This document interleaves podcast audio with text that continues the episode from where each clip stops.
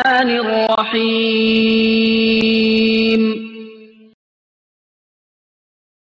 إنا نحن نزلنا الذكر وإنا له لحافظون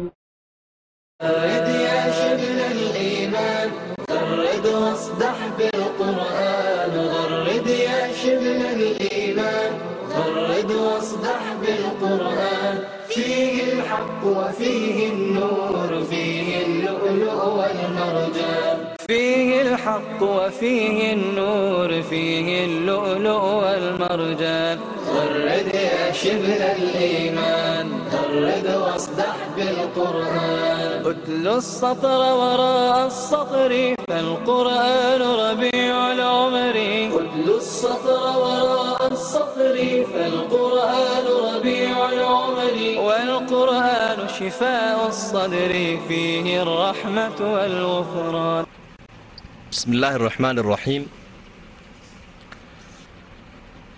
إن الحمد لله نحمده ونستعينه ونستغفره ونستهديه ونعوذ بالله من شرور أنفسنا ومن سيئات أعمالنا من يهده الله فلا مضل له waman yudlilhu falaa haadiya lah waashhadu an laa ilaaha ila allahu waxdahu laa shariika lah waashhadu anna muxammadan cabduhu warasuuluh sala allahu calayhi wacalaa aalihi waasxaabih allahuma anfacna bima callamtana wacallimna cilman yanfacuna wasidna cilman walxamdu lilaahi calaa kulli xaal uma ama bacd waxaynu halkan ka bilaabmi doonaa insha allahu tacaala tafsiirka qur'aanka kariimka ah kitaabka kariimka ah ee kalaamkii ilaahaya ayaynu halkan ka bilaabi doonaa tarjamadiisa.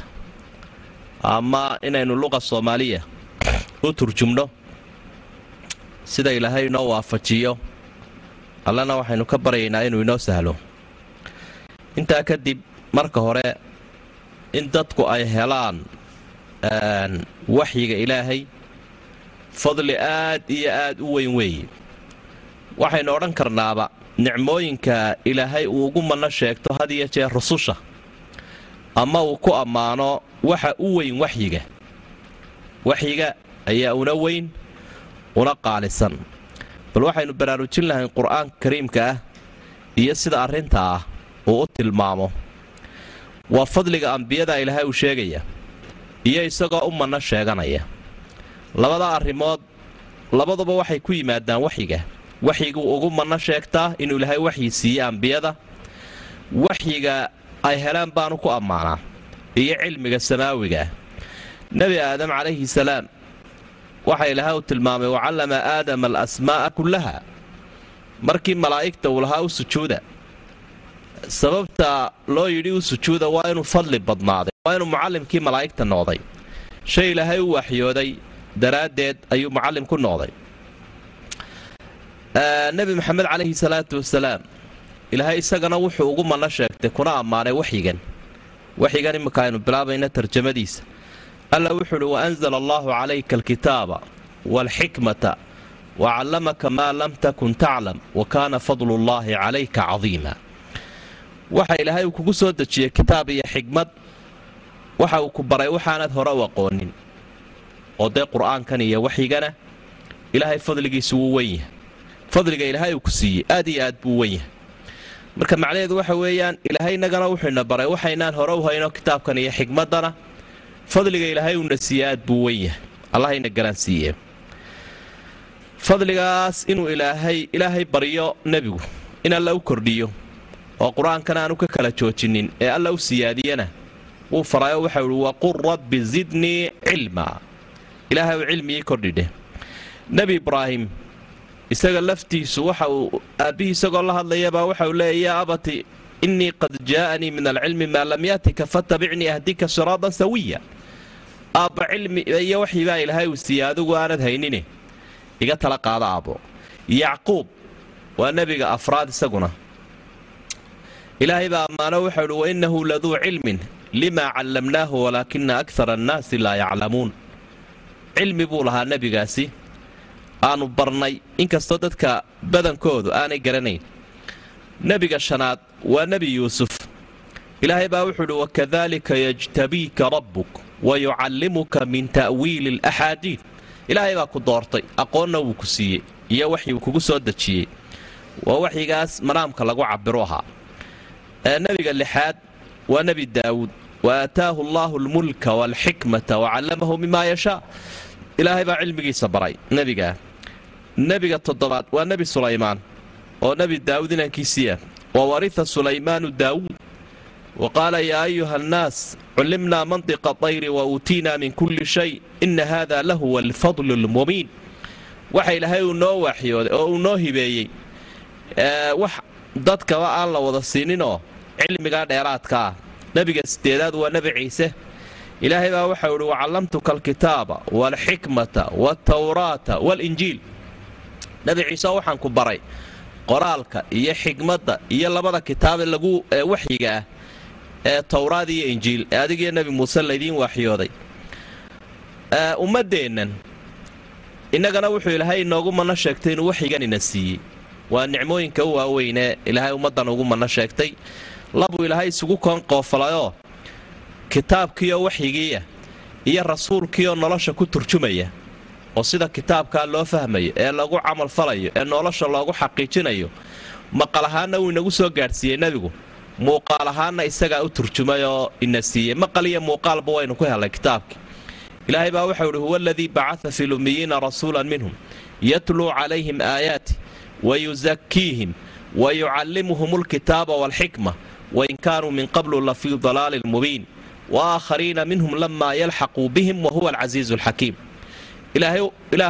waa ilaaha ummaddan u nicmeeyee rasuul iyaga ka midana ka soo saaray. Rasuul iyaga ka mida oo ay garanayaan abtirsiimadiisii iyo halka uu ka soo jeedo ayaa ilaahay uu ka soo saaray. Waxa uu ku soo dejiyeyna kitaabkan. Kitaabkiibuu tilaawadiisii baraya habka loo akhriyayo oo nebi maxamed ba calayhi salaatu wasalaam qur'aanka baray habka asxaabtu ay u akhriyayaan asxaabtuna ummaddii kaley sii bareen saasuu inagu soo gaadhay waxaa kaloo ilaahay uu raaciyey. Kitaabka tilaawadiisa sidaa u barayaa buu macnihiisana u barayaa. Waxa labadaaba u dheeraada xikmaddiisiiyo sunnihiisiyana wuu baraya oo iyana waxii kalaa waxa afraadoo u dheeraada wa yusakiihim taskiyuu siinayaayoo habka qur'aanka loo tadbiiqiyo ayuu ku dabagelayaa asxaabta. Afartaa arrimood buu isugu daray. Afartuba waa waxyi ilaahay ummaddan uu siiyey oo inoogu mana sheegtay. Arrinta sagaalaad qur'aanka kariimka waxa ilaahay uu tilmaamay shayga macnaha waxyigaa isagoo tilmaamaya addoommaha wanaagsan kumana sheeganaya. Khadir qisadii khadir alcabdu saalix addoonka wanaagsan fawajada cabdan min cibaadina aataynaahu raxmatan min cindina wacallamnaahu min ladunnaa cilma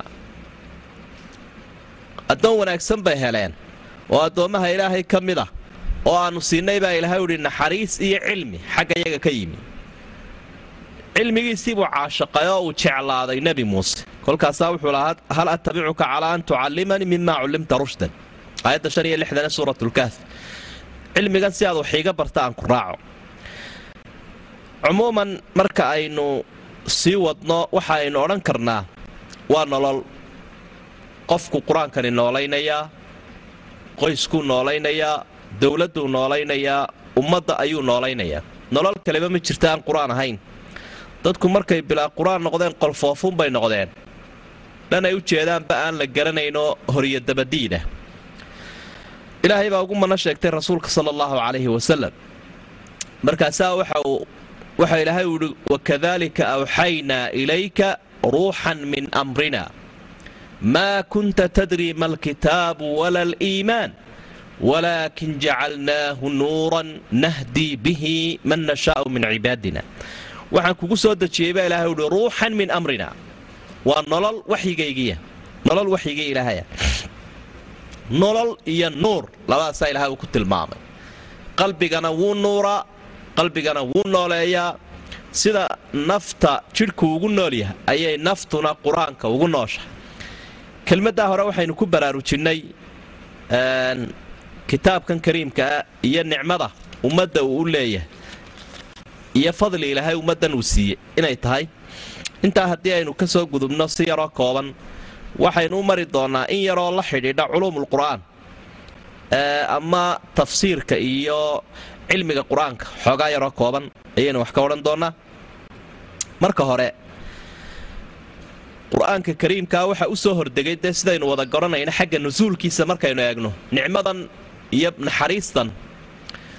Markii ay maraqa ilaahay uu ka furay ee ummaddan uu ugu deeqay waxa ugu horreeyey suuraddaa la yidhaahdo suuratu iqra' oo markeeda horeba faraysa ummaddu inay jahliga ka baxdoo akhrisna ay yeelato aqoonna ay yeelato si ilaahay ay u barato ile qof jaahili ilaahay xaqiisii garan maayeen suuraddaasaa u horreeyey ayaa horraysay qur'aanka waxaa ku xigtay suuratu almuzammil iyo suuratu almudathir labadaasaa ku xigay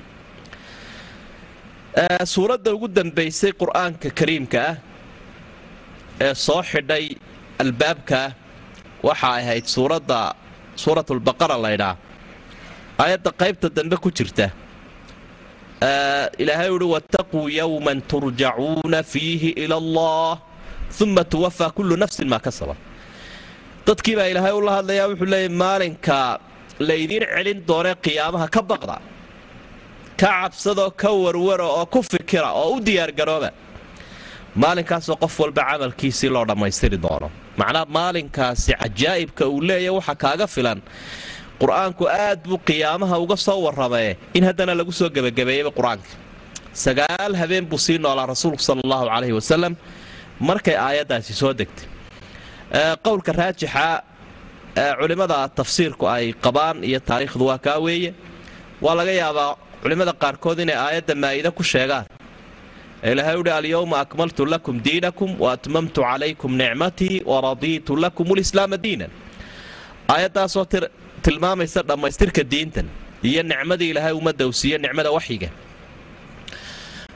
Aayaddaa laakiin markay soo degtay dhowr iyo siddeetan habeen ayuu nebi maxamed sii noola calayhi salaatu wasalaam oo shirweynihii ugu dambeeyey caalamulislaami uu lahaa ee xajatulwadaac ayaa aayaddaasi ku soo degtay. Marka tanaa ka sii dambaysay baqara sagaalka habeen uu sii noolaa taasina iyaduna waa mid xusuusteeda leh. Qur'aanka marka had iyo jeer aynu dhex galna insha allahu tacaala marar badan waxaad maqli doontaa iyadoo aynu ka warramayno sababu nusuul sababu nusuul lihadihi alaaya aw lihadihi alaayaat.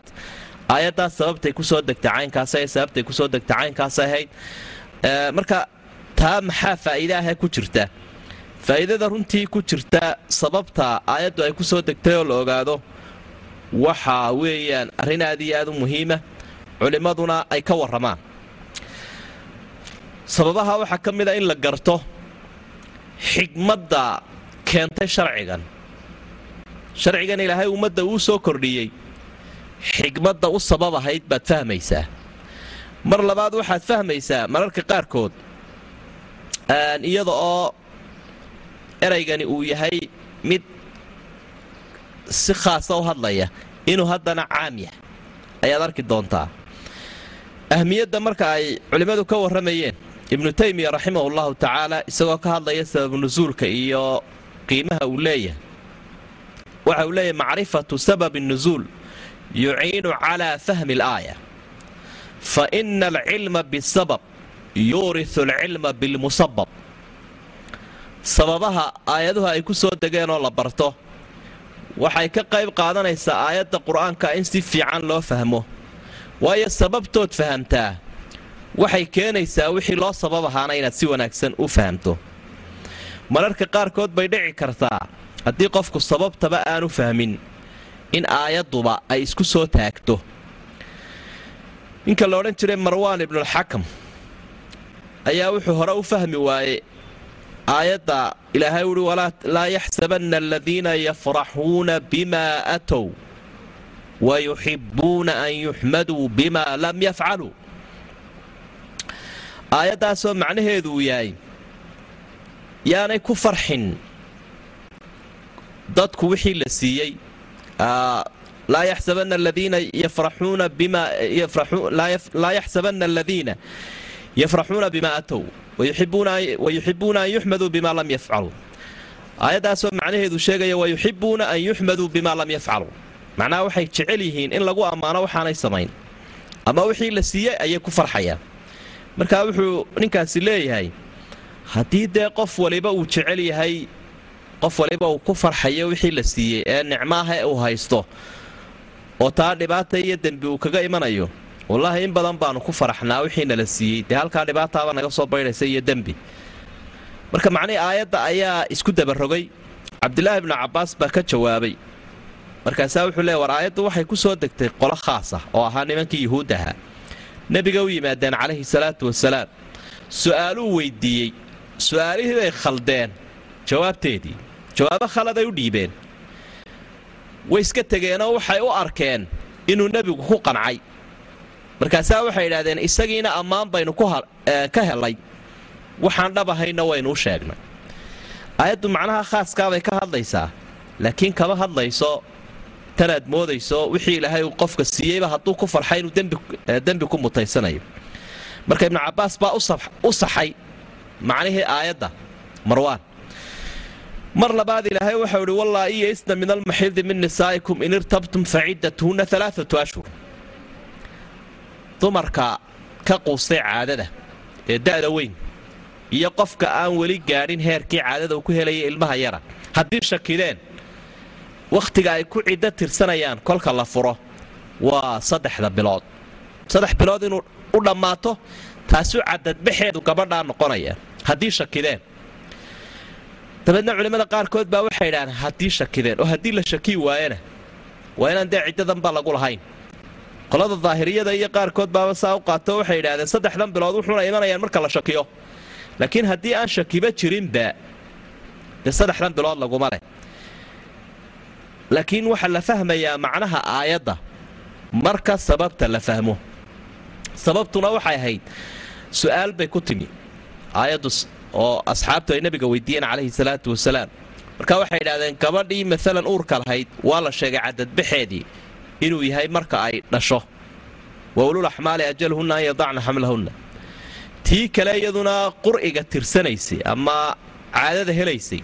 Saddex jeer marka ay hesho ayuu qur'aanku tilmaamay.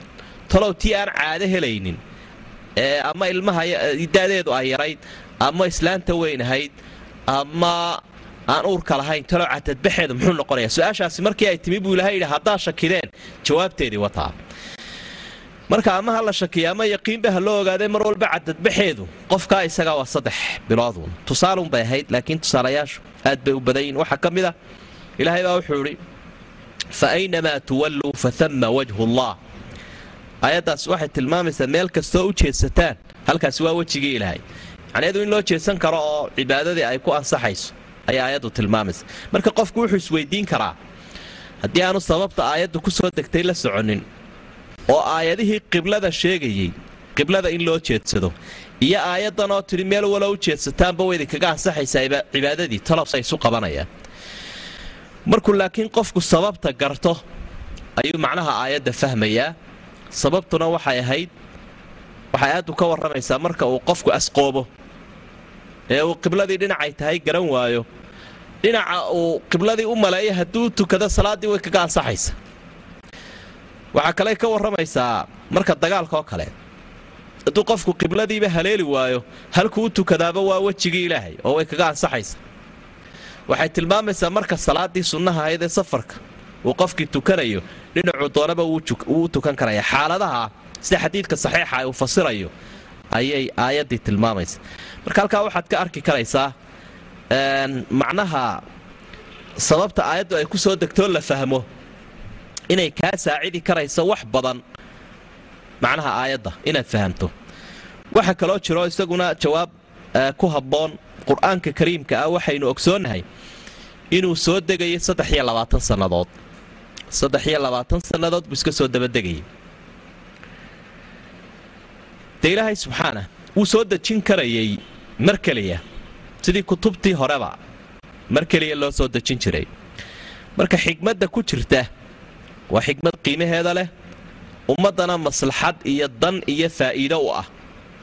Ila ilaahay isagaa yaqaana danta ummadda eh. Marka saddex iyo labaatan sannadood inuu kitaabkani soo degaya imika aynu haynaa ee isagoo qoran aynu helaynaa mar keliya fawaa'idka ku jira waxaa ka mid a siday culimmadu tilmaamaan. Marka hore tahbiitu fu'aadi rasuuli sala allahu calayhi wasalam nebiga qalbigiisaa ilaahay uu dejinayay ilaan howlgal buu ku jiray oo diin buu faafinayay oo kifaax buu ku jiray. Marka kolka arrin ku jiq noqdaba ee xoogaa walwariyo walbahaariyo walaaci uu ku yimaado aayaad baa ilaahay uu soo dejinayaa ka dhaqdhaqaya oo nebiga qaboojinaya calayhi salaatu wasalaam falacallaka baaqicun nafsaka calaa aahaarihim in lam yu'minuu bihada alxadiidi asafa aayaddaa ilaahay waxa ku yidhi naftaadii waxaad u dhowaatay inaad halaagto sidaad raadkooda u guclaynaysay ama aad uga warwarsanayd inay iimaanla'aan ku dhaceen. Iimaanla'aantooda adigoo ka xun dhibaato weyn baa naftaadii soo gaadhay oo inaad halaagsantaad u dhowaatay.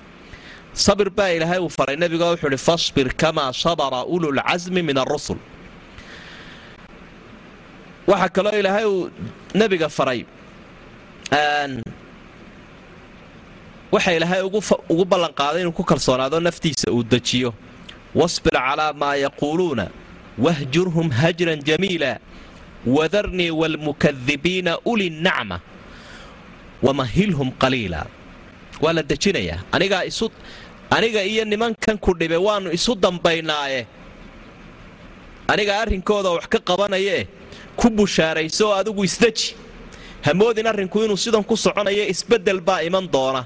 Dhibkoodana waad ka nasan doontaa aayaadka sidaasi kolka ay kolba ku soo degaan wuu qaboobayaa nebiga. Qalbigiisuna wuu degayaa calayhi salaatu wasalaam.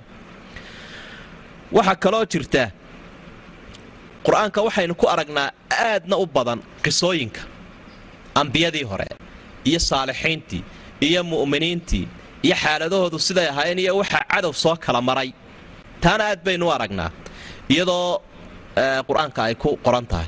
Qisooyinkaasi mar kastay soo degaan nebigu nafis buu ka helayaa calayhi salaatu wasalaam qalbigiisuna wuu ku degayaa. Sida qof wal oo mu'min aho akhriyayaaba isagoo caalamkan la yaabsan muslimka xaaladiisu sida ay tahay iyo dhibaatada dadka muslimiinta ah iyo waxaa isagoo ka warwarsan markuu qur'aanka akhriyo ayuu arkayaaba arrinkayna haystaaba inuu wax badan ka sahlan yahay rag wixii soo maray wa kullan naqusu calayka min anbaa'i arusuli maa nuhabbitu bihi fu'aadak qisooyinkaa aan qur'aanka kugu sheegaya nebi maxamedow qalbigaagay dejinayaan baa ilahay wy waxaa kale oo ka mida xikmadaha ama xikmadda labaada altaxaddi waalicjaaz inuu ilaahay ku hor joogsanayay itaaldarradooda iyo aqoondarradoodana carab uu muujinayay mar kastay qur'aanka aflagaada kala hor yimaadaan iyo nebiga mar kastay sheegaan kalaam uu rasuulku iska samaystay inuu yahay ilaahay aayaduu soo dejinaya uu taa ku beeninayo.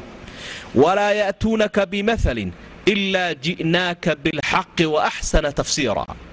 Mar kastay tusaale kuu keenaan anna xaqii iyo mid wax walba caddaynayaan kuu dhiibayaabaa ilahay wi oo suurad ka mida la kaalayaabaa la leeyahay haddaa nebiga tidhaahdeen isagaa la yimi. Arrinta saddexaadee qur'aankan saddex iyo labaatanka sannadood iska soo dabadegaya ku jirtee faa'iidadahay waxa weeye taysiiru xifdi wa fahmi. In la xafido oo lana fahmo oo dadkii uu u noqdo cashar koobkooban oo ay qaadanayaan oo aan ku cuslaanaynin waayo ummadda lagu soo dejinaya oo ammaanadan dadka u qaadaysa waxay ahayn ummadaan waxna akhriyin waxna qorin oo loo yaqaano al-ummatu alummiya ummad ummiya bay ahaayeen.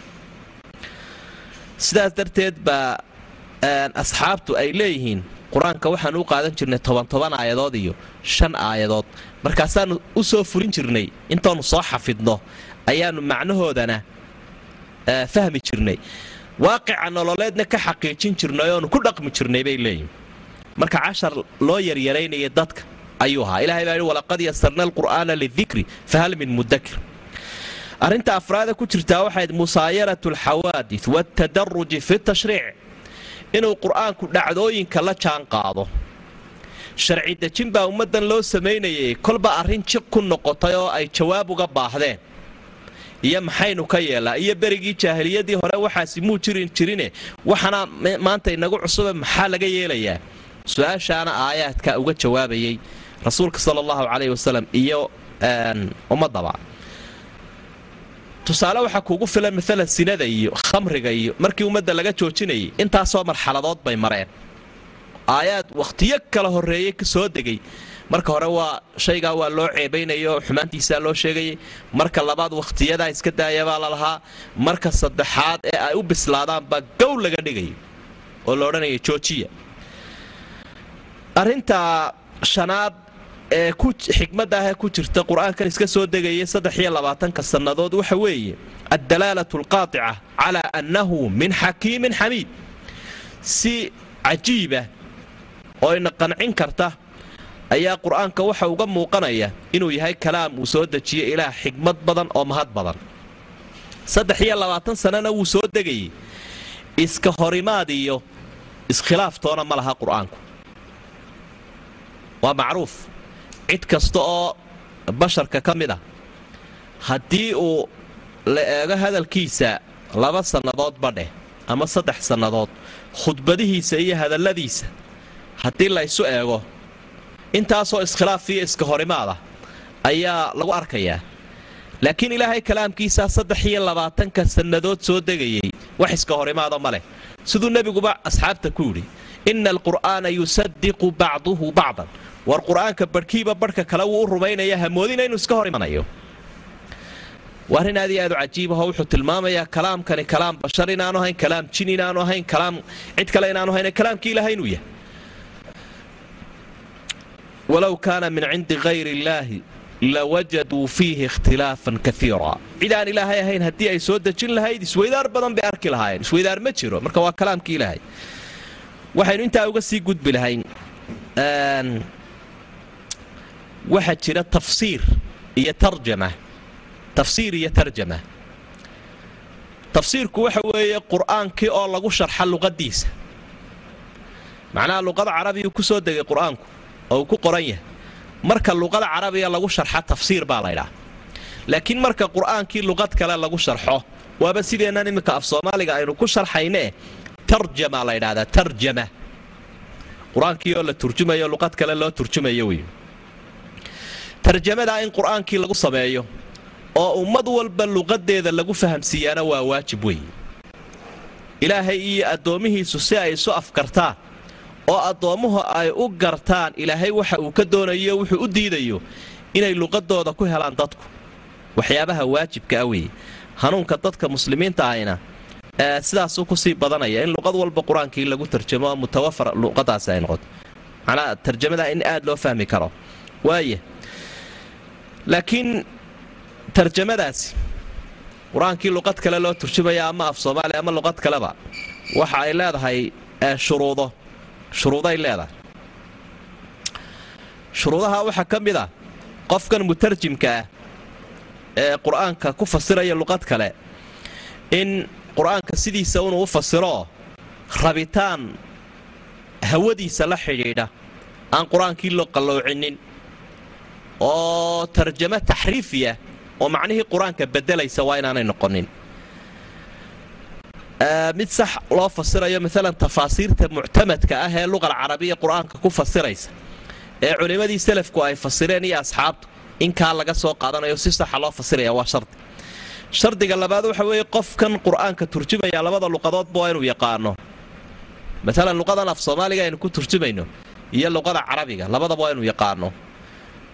Markaasuu iswaafajin karaa kelmaddan laakiin kelmaddan carabiga haddaanu garanayn af soomaali waxa ay ku tahay dee hal baa laga yaabaa inuu niri ku sheego. Weylna inuu sac ku sheegaabaa laga yaabaa. Marka luqa alcarabiya iyo luqa soomaaliya labadaba qofku inuu si wanaagsan u garanayaa waxay ka faa'iido tahay kalaamkii ilahay inuu si wanaagsan u fasiri karo. Asraarta iyo nuxurka ku jirana markaasuu qofku soo saari karaa. Allah inoo sakhiree. Arrinta kale jirtaa waxa weeye. Tarjamadaasi waana inay noqonin tarjamo xarfiyahun hadduu qofku xarfaha uun dabagalo waxaa laga yaabaa macnihii loo jeeday iyo mafhuumkii guudba in ay qalloocdaan. Tarjamadu tarjamo xagga macnaha ah oo macnaha aayaddan looga jeedo ee ilaahay uga jeedo qofku waa inuu dadka soo gaadhsiin karaa. Arrimahaas iyabaa ka mida iyo qaar kale marka qur'aanka la turjumayo. Waaya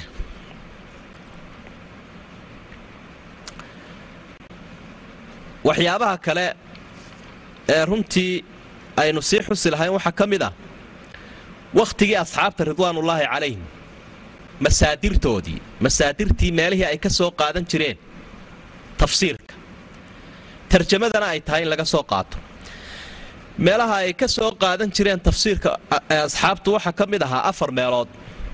Alqur'aanu bilqur'aan waalqur'aanu bisunna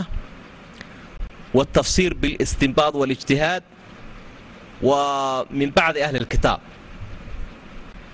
qur'aanka oo la isku fasiro way isticmaali jireen asxaabtu oo aayaadku way isfasirayaan sidaa xadiidkii goortii dhaweyta aynu soo akhriyayna uu nebigu asxaabtu arkay iyagoo ku yara murmaya intay meel fadhiya oo ka doodaya qur'aanka.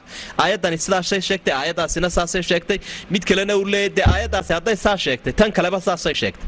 Oo muuqaalkoodii uu yahay qur'aankii inay qaybsadeenoo midiba qayb uu soo daliishanayo kolkaasuu yihi war laa tadribu kitaab allaahi bacdahu bibacd war qur'aanka ha isku dhufaninoo ha iska horgeynina. Qur'aanku wuu isu rumaynaya qur'aanku waanu isfasirayaa marka haddaynu isnidhaahno taa u bambaxana dee muxaadaro dhan bay qaadanaysa sida aayaduhu isu fasiraan laakiin insha alla waxaynu rajaynaynaa markaynu kitaabka dhex gallo inaynu aragno aayaddaas aayaddaasoo caam ahayd tanaa khaas ka dhigtay aayaddaasoo mujmal ahayd tanaa mufasiru ahoo bayaaminaysa. Aayaddaasoo macnaheedu aad yar moodaysa inuu sidaa yahay tan kalaa iftiimisay oo aayaadkii aynu isla akhriyi doonna aynu arki doonnaa insha allah waaya waxay asxaab tafsiir ka qaadan jireen qur'aanka kariimka ah inay ku fasiraan xadiidka rasuulka. Oo axaadiidta fasiraysa aayaadka ay soo qaataan. Ila ilaahay baa wuxuuhi waanzalnaa ilayka dikra litubayina linnaasi maa nuzila ilayh qur'aankaanu kugu soo dejinnay nebi maxamedow si aad dadka ugu fasirto. Marka dadka nebigaa fasiraya markaasaa asxaabtu su'aalaha ay nebiga ku badin jireen macnaha aayaddaasi waa maxay? Markaasuu odhanayay waa saa iyo saa iyo saas u fasiraya waxa saddexaadoo wakhtigii asxaabta ridwaanullaahi calayhim ay ku fasiri jireen in qofkaasi awooddiisa luqada awoodda uu leeyahay shicirka carbeed faham ilaahay uu siiyey ayaa uu ku fasiri jiray.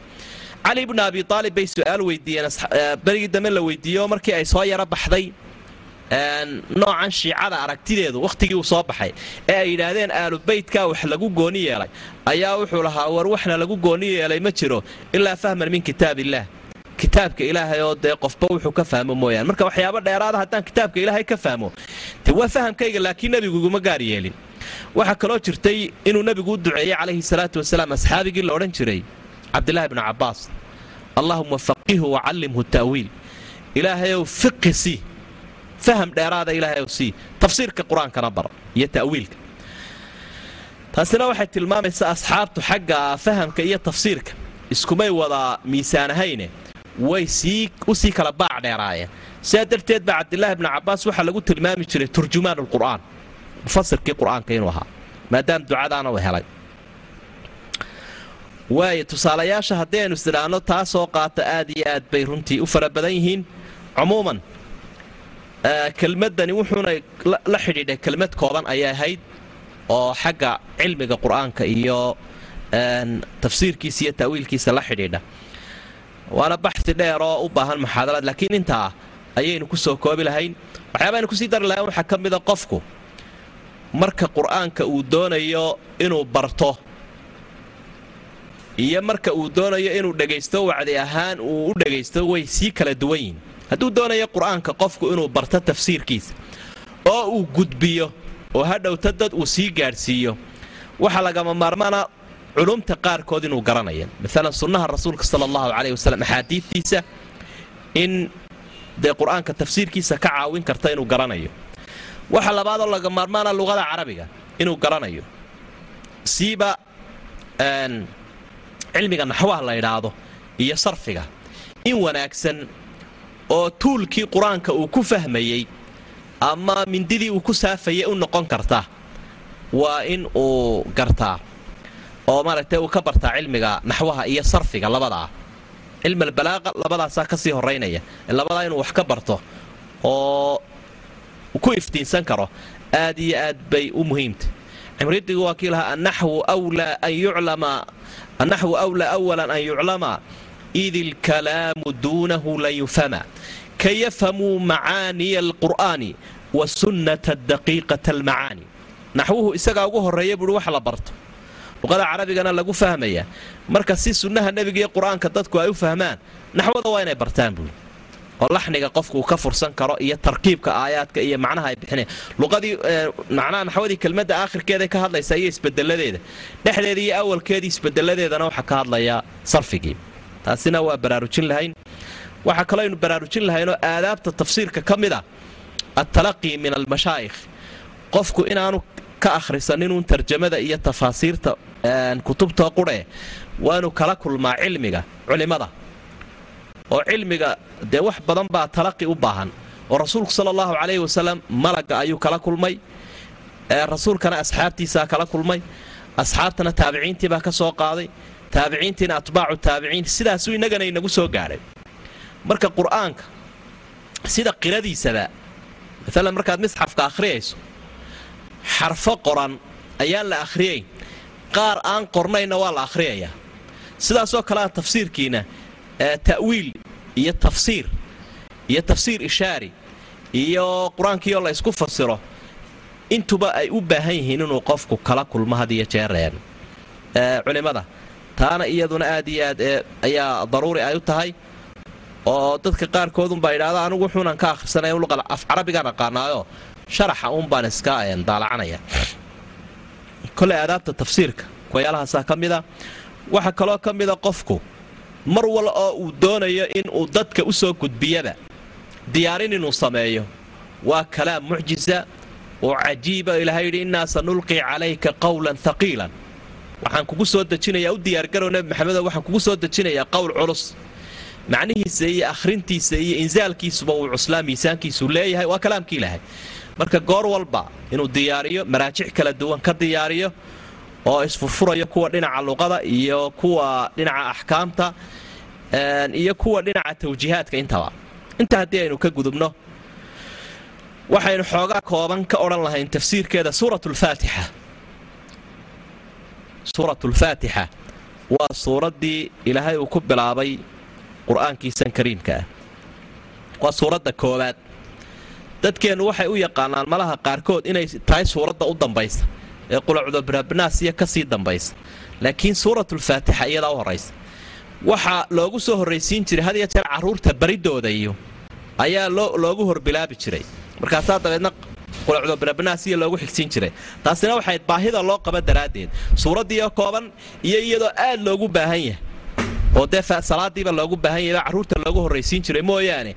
Dee qur'aanka iyadaa u horrayso baqara ka sii horrayso waa suuradda koowaad. Boqoliyoafariyotobanka suuradood marka la eego. Suuraddaasi magacyo dhowray leedahay. Suuratulfaatixa waa la yidhaahdaa. Liannahu faatixa waa tii furfurtay qur'aanka. Sidaa dee aad arkaysaba suuraddan waxaa la yidhaahdaa ummulqur'aan iyo ummulkitaabba waa la ydhaah kitaabka hooyadii iyo qur'aanka hooyadii. Xadiidkaana nebigu ku sheegay calayhi salaatu wasalaam laa salaata liman lam yaqra' biummi lqur'aan aw biummi lkitaab calaa macna alxadiid salaadi umay ansixin qofka aan akhriin suuradda qur'aanka hooyada ummulqur'aan laydhaa waaya waxaa loogu bixiyey ummulqur'aan qur'aanku waxyaabaha uu ka hadla si faahfaahsan baabay si kooban oo duuduuban iyadu u sheegtay. Tale qur'aanku wuxuu ka hadlaa ilaahay ammaantiisa iyo sifaadkiisa iyo tawxiidkiisa. Iyaduna way tilmaamaysa alxamdu lilaahi rabbi alcaalamiin alraxmaan alraxiim maaliki yowm ddiin waa ilaahay iyo ammaantiisa iyo awoodihiisii sheegaysa qur'aanka qaybo ka midii waxay ka hadlaan qisaska had iyo jeer. Qisaska ummadihii hore.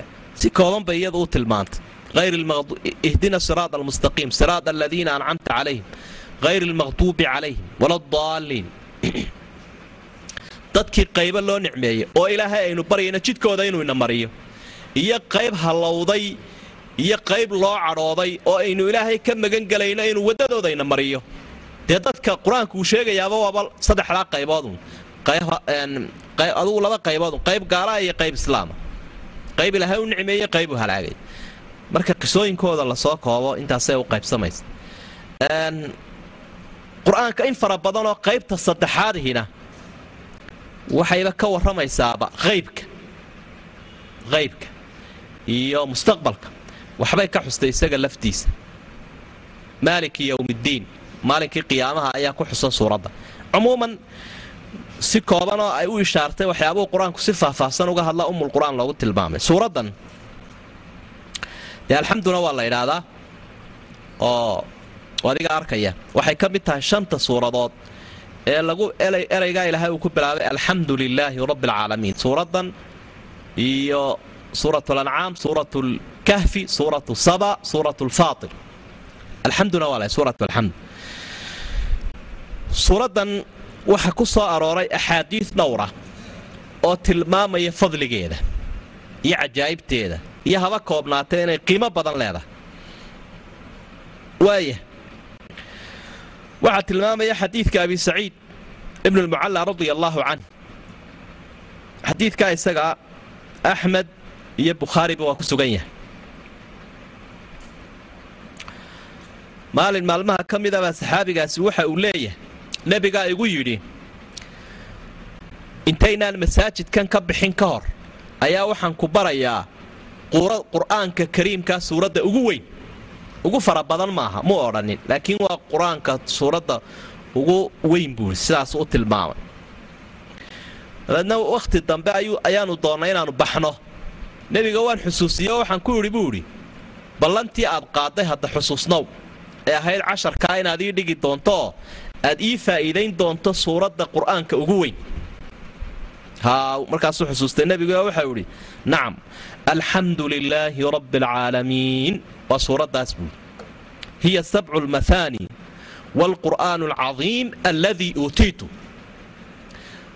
waxa weeyaan buuhi waa qur'aanka weyn iyo toddobada aayadood ee ilaahay uu igu manno sheegtay inuu isiiyey laqad aataynaaka sabcan min almahaani waalqur'aan alcadiim. Ilaahay baa wuxuu idhi waxaanu ku siinay toddoba aayadoodoo soo noqnoqdo qaaliya iyo qur'aanka weyn.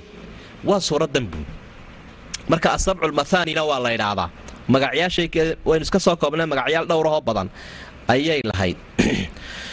Fadligeeda waxaa ka mid a intaynu akhriyayno suuraddan oo loo dooray salaadda. Macnaa nebigu wuxuu tilmaamay calayhi salaatu wasalaam qofku inaan salaaddu u jiraynin oo aanay u ansaxaynin haddaanu faatixada akhriyin. Sunna iyo faral midkay doonaysa aad ilahay idankii salaatuljinaasoon rukuuc iyo sujuudtoona lahayn haba ahaato. Waa in faatixada lagu akhriyo. Salaadi uma jirto qofkaan faatixada akhriyin buu rasuulku leeyahy fadligeeda waxaa ka mid a intaa aynu akhriyayna ilahay baynu la sheekaysanaynaa. Habeen iyo maalin sunno iyo faralba intaa aynu ku akhriyayno ilaaha casiiska ah ee kariimka ah ayaynu la hadlaynaa isaguna wuu inoo jawaabayaa waxa markaa xusid mudan ama qiimaheeda leh. Kol hadduu ilaahay kuu jawaabayo dee ha ka sii jeesanin oo iyaad arrintaadu iya u dhicin in carabkaaguun daldalo iyadoo caqligaagu maqan yahay. Laakiin carabkaaga iyo caqligaagu labaduba macnaa qalbiga iyo qowlku ha soo jeedaan. Oo markanaad akhriyayso inuu ilaahay kuu jawaabayo garo. Nabigu calayhi salaatu wasalaam xadiida qusi buu ilaahay ka warinayaa kolkaasaa waxa uu leeyahay ilaahay baa wuxuu idhi salaadda waxaan u qaybiyey baynii wa bayna cabdii nisfayn.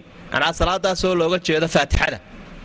Faatixadu aniga iyo addoonkayga ayay noo qaybsan tahay buu ilaahay marka addoonku ilaahay ammaano ilaahay addoonka ah ammaantaa waa ka aqbalaya. Kolkuu addoonku ilaahay wax ka codsadana codsigaa ilaahay wuu u yeelaya. Maalan qofku kolkuu idhaahda alxamdu lilaahi rabbi alcaalamiin ilaahay baa mahad leh caalamiintoo dhan rabbi u ah. Ilaahay waxa uu leeyahy xamadanii cabdii addoonkaygii wuu imahadiyey waa imahadiyey kolkaynu addoonku akhriyay u leeyahy alraxmaan alraxiim waynu macnaheeda sheegi doonno ilaahay wuxuu leeyahy ahnaa calaya cabdii addoonkaygu wuu ammaanay way ammaanay. Markuu qofku idhaahda maaliki yowmiddiin eraygaa kolka uu akhriyo suuradda macnaheeda waynu geli doonaaye ilaahay wuxuu ugu jawaabayaa majadanii cabdii addoonkaygii wuu imaamuusay oo wuu isharifay jawaabtaasuu ilaahay siinaya marka uu qofku idhaahdo iyaaka nacbudu wa iyaaka nastaciin. Ilaahay aduun baanu ku caabudaynaa gargaarku weydiisanayna waxa uu leeyahy haadaa baynii wa bayna cabdii walicabdii maa sa'al. Intani anigii addoonka inoo dhaxaysaa. Qaybta dambe waa codsi codsigaa addoonkaa waan ka aqbalaya. Marka uu qofku inta dambe akhriyo ihdina siraad almustaqiim siraad aladiina ancamta calayhim hayr almaqduubi calayhim waladaalliin waa duco. Qofkii uu ducaysanayo ducadii salaadda dhexdeeda lagu ducaysanayo wey faatixada laftigeedii ducaa. Markaana ilaahay wuxuu leeyahy haadaa licabdii walicabdii maa sa'al. Intan addoonkaygaa iska leh. Addoonkayguna wixii uu weydiistay waan siinayaabaa ilaahay ugu ballanqaadaya marka kol haddii sidaa ilaahay uu inoogu jawaabayo kol hadduu sidaa inoogu bushaaraynayo kol hadduu sidaa inoogu ballanqaadayo ma habboono qalbigaagu inuu foof tago iyo fikirkaagu oo maqano jooga aad noqoto. Qof sidaasuunu taaganoo dadka uun eeganaya mise ragcadood bay marayaanoo dukaankii xisaabinaya iyo danihiisii gaarka ahaa qalad waa inaanad doqonin ila ilaahay baad ka sii jeesatee. Fadligeeda waxaa ka mida inay dawatay oo qur'aanku qalbigana waa daweeyaa jidhkana ilaahay wuu ku daweeyaa. Markaas kolkuu qofku xanuunsado. Xanuunkaasi ama jasadi ha aada ama nafsiba ha ahaadee waa inaynaan qawadina qur'aanka isku akhrinaa. Weliba suuraddaa cid waliba ay taqaano rag iyo dumar iyo carruur iyo waayeel ayay tahay in laysku akhriyo. Asxaabta qayb ka mida baa socdaal ku jiray. Reer bay soo dul fadhiisteen. Sooryoy ka dooneen xaqay ugu lahaayeen. Way u aamuseen way ka seexdeen way siin waayeen iyaba waa cajaa'ib reerkiibaa ayaa bahal nin ka qaniinay. Weliba ka uu qaniinay. Waa kii meesha suldaanka ka ahaa. Odaygii u weynaabaa bahal qaniinay. Way isweydiiyeenoo markay wax dawaa waayeen baa waxay idhaahdeen war bal qolada halkaa fadhidee martida ah. Waa raguune bal aan soo weydiinno. Asxaabtii bay u yimaadeen. Qoladii waxay idhahdeen war ninkii suldaankii baana laga qaniinoo bahal qaniinoo dee itaal aad u liitee. Wax dawaa ma haysaan raggii kale hadduu iseegay oo yidhi maya abu saciid baa wuxuu yidhi anaa haya. Arrintaa iyadaa aniga ayaa haya buuri waaya dawadiisa anaa haya buuri laakiin dee waa noo aamusteenoo waa naga seexateenoo xaqayagii waana siin weydeene. Mushqaayad baannu u baahannahay haddii uu dawoobo war waa idin siinaynaa bay idhaah wuu tegayoo faatixadunbuu ku akhriyey. Wa ka'annamaa nushita min caqaal mar alla markuu faatixadii ku dhammeeyey ninkii odayga ahaa waxaa la moodayay dabar ku xidhnaa in laga furay. Wuu soo sare fadhiistay koomadiibu ka soo baxay. Way ku farxeenoo soddon adhiya ayay u soo sooceenoo waxay idhahaan wakaa kaxayso asxaabtii kale la joogtaybaa waxay idhahan war armad qur'aankii ilaahay iibsatay. Qur'aankii ilaahay armad adhigan dhaafsatay bay idhahaan bal arrintan inaga hubso war mee waa sax? Ma inaga hubso nebigii baa loo keenay calayhi salaatu wasalaam wamaa yudriika annaha ruqya wuu ku hambaliyey waar maxaa ku ogeysiiyey buui inay dawata waa dawe waar qaybsada oo anigana qorigayga igu dara buuri markuu had jeer doonaya nebigu calayhi salaatu wasalaam shaygaa xalaalnimadiisa inuu asxaabta u muujiyo ayuu odhan jiray anna igu dara ilaan qowl iyo ficil buu labadaba ku xalaalaynayaae marka halkaa waxaa ka cad qofkii wixii la siiyeyna inuu ku qaadan karo cidna ku dawayn karo qur'aankii suuraddaana saasuu nebigu tilmaamay calayhi salaatu wasalaam inay tahay suurad dawa ah. Waaya axaadiidta runtii ku soo aroortay suuraddan aad bay u badan yihiin. Waxaa ka mid a xadiidka ibnu cabbaas uu warinayo. Asxaabtu waxay leeyihiin maalin maalmaha ka mida annagoo nebiga la fadhina uu nebiguna asxaabta u sheegay malakuljibriil laftiisu inuu fadhiyo. Ila waa saaxiibkii waa safiirkii ilahay u soo diraye ayaa wuxuu maqlay jiiq buu maqlay. Jiiqda had iyo jeer marka albaabka la furo waa kan jiiq yidhaahda. Malagii wuxuu nebiga u sheegay oo uu yidhi malag baa samada ka soo horta waxaa jiiq yidhi buuhi waa albaab samada laga furay oon weligii la furin maanta mooyaane. Waxaa ka soo degay malag. Wuxuu sidaa hadiyad iyo nicmo iyo cilmi cajiiba oo ah suuratulfaatixa iyo suuratulbaqara inta u dambaysa. Aamana arasuulu intaa u dambaysa. Intaasuu hadiyad kugu keenay dheeraada cid kaleba aan la siinin ku abshir. Nebiguna waa ku abshira inana waa ku farxayna waa ku abshirayna. Intaasoo ammaana ayaa suuraddu ay leedahay.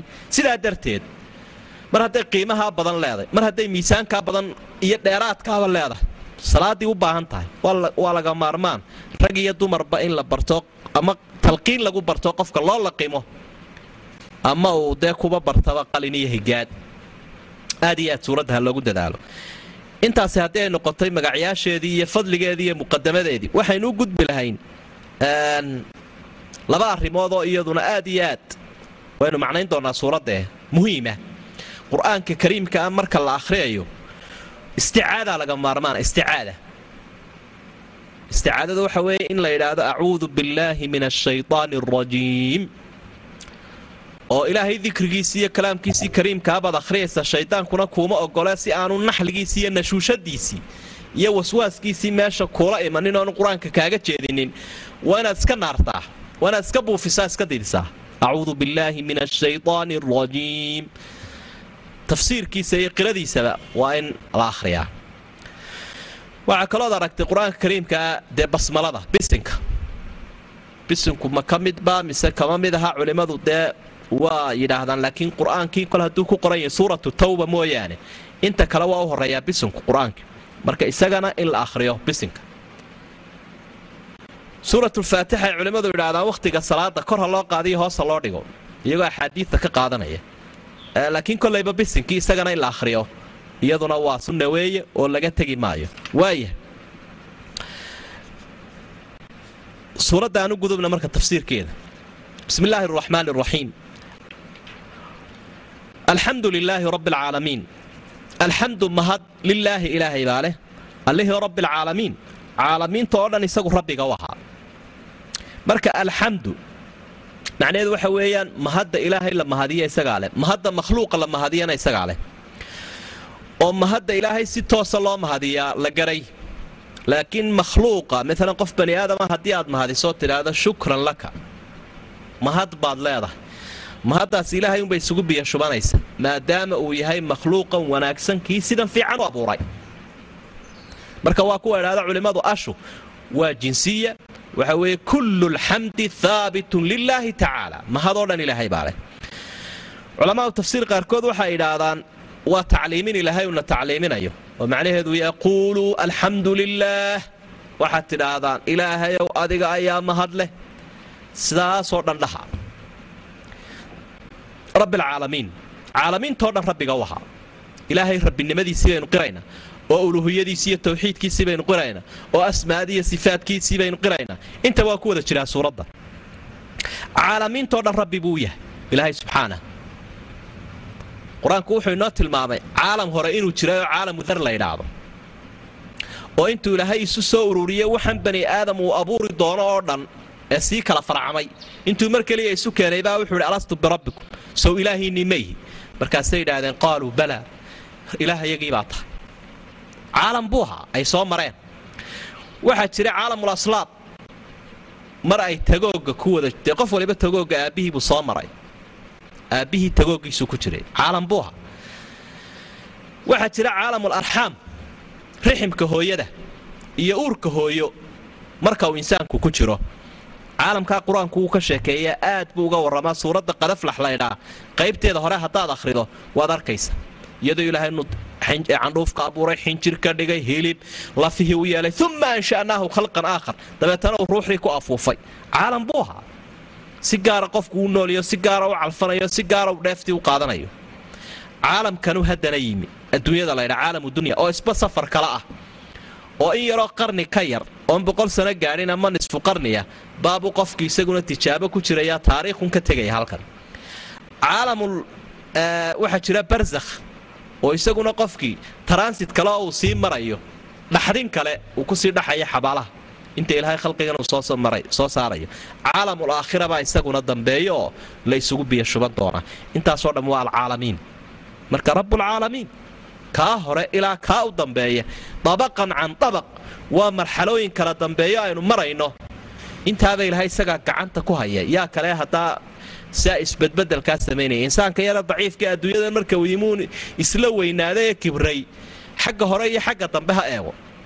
Alxamdu lilaahi rabbialcaalamiin saasaa ilaahay subxaana wa tacaala awooddiisa macnaha rabbi waa ka barbaariya waa ka abuura ee barbaariya ee arsaaqa ee cid walba gacanta ku haya. Ilaahay umbaa taas iska leh. Alraxmaan araxiim waa sifooyinkiisi. Bisinkana waa ku jirta alraxmaan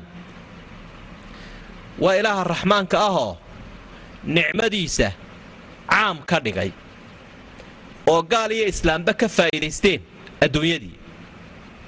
Adduunyadii gaal iyo islaamba way ka faa'iidaysteen. Ismigaasi waxaa waa ismi ilaahay un lagu magacaabo subxaana. Oo asmaa'ada qaarkood ayaa ilaahayna sifo ismi u ah. Lagana yaabaa makhluuqana qaarkood in lagu magacaabo. Xaalado gaara sida raxiim oo kale. Laakiin alraxmaan ilaahay unbuu gooniya cid kalena laguma sheegin. Hadday dhacday ninkii nebinimada sheegtee musaylimatulkadaab la odhan jiray.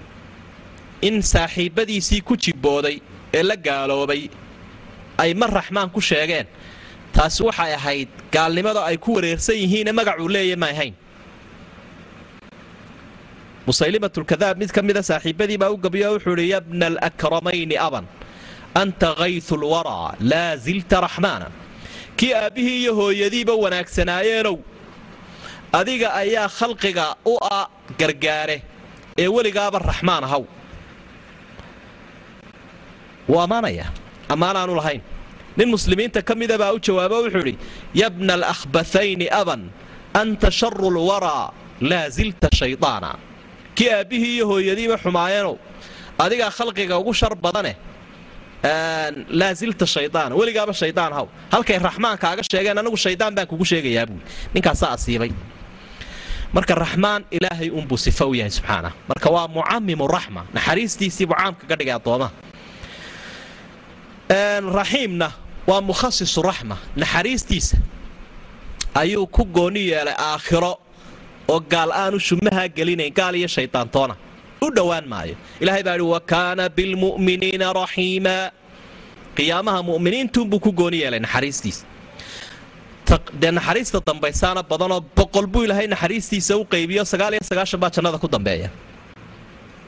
Waaya tafsiir labaad baa jiroo alraxmaan almunacim bijalaa'il nicam alraxiim almunacim bidaqaa'iqi nicam ilaahay waa raxmaan nicmooyinka waaweyn buu bixiyaa waa raxiim oo nicmooyinka yareer buu bixiyaa hadda nicmooyinka ilaahay maba kala yaryaree ta dadka aad ugu muuqmuuqanaysaana waa nicmooyin waaweyn nicmada ka qarsoon qofka ee markuu waayo unuu garto ayaa nicmada yaryara waa nicmo isheenna ka qarsoonoo qofku aanu aad u dareemayn marka uu waayo isagoo isle waxaan wax badanba ma si aha.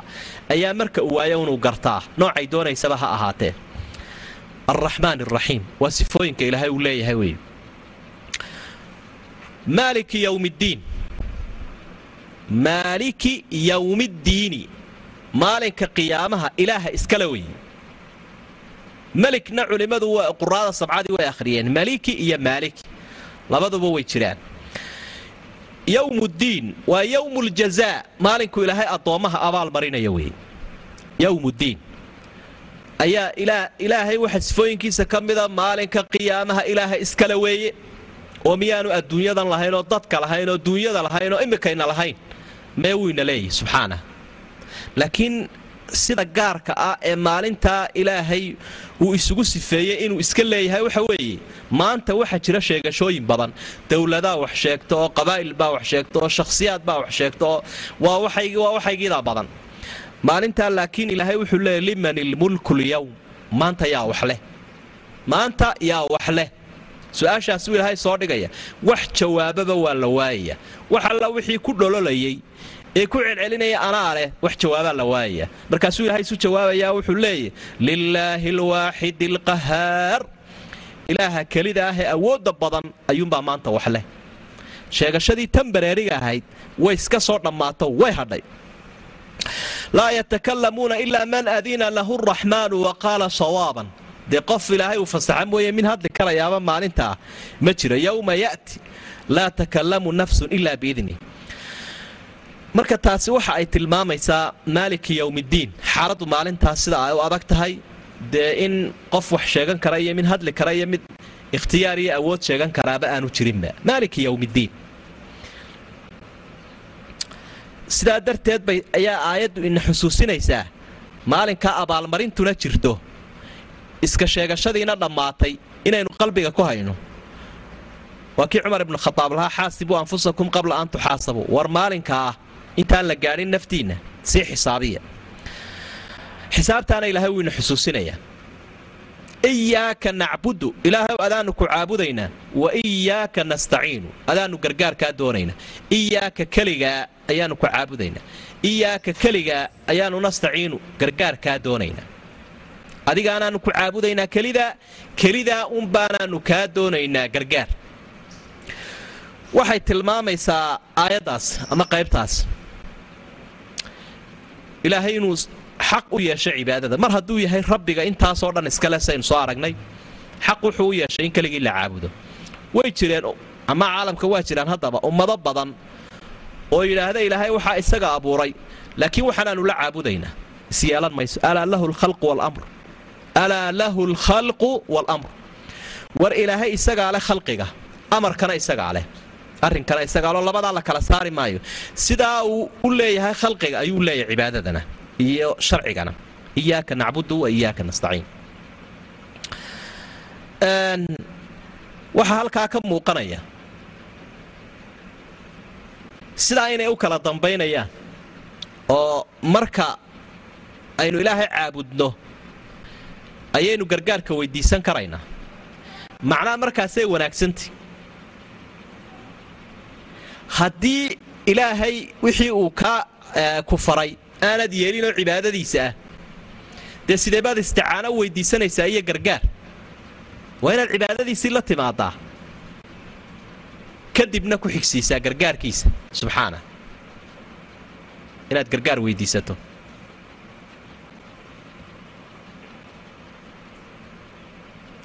Waaya waxaa kaloo aayadda ka muuqanaya in si jamaca. Ilaahay cibaadadiisa aynu ula imanayno waxaa kaloo aayadda ka muuqanaya isticaanada iyo istiqaafadu inay ilaahay keligii goonita ihdinaa ilaahay nagu hanuuni asiraat almustaqiim jidka toosan. Jidka toosanina waxa weeye jidka ay mareen ambiyadii iyo saalixiintii. Waman yudic illaha warasuula faulaa'ika maca aladiina ancama allahu calayhim min annabiyiina wasidiiqiina washuhadaai wasaalixiina waxasuna ulaa'ika rafiiqan. Jidka toosana ilaahay aynu baryaynaa waxa weeye siraad aladiina ancamta calayhim kuwaad u nicmaysay jidkoodii oo ambiyadii shuhadadii sidiiqiintii hayr almaqduubi calayhim kuwii loo cadhooday aan ahayn kuwii loo cadhooday ilaah jidkoodii hana marini waa yuhuudda ilahay baa u cadhooday cid kastoo xumaatana wuu cadhoonaya wala daaliina kuwii anbadayna ilaahay jidkooda hana marini waxaa sunnaha rasuulka ku sugan sala allahu calayhi wasalam in marka sidaa faatixada loo dhammeeyo la idhaahdo aamiin ilaahayow noo aqbal waa ducadaa duca salaada dhexdeeda lagu ducaysanayo weeye ilaahayow noo aqbal baynu leenah oo jidka wanaagsanna mari oo kuwa aan badayna jidkooda nagadu oo na fahamsii waxyigaaga oo noo sakhir wallahu aclam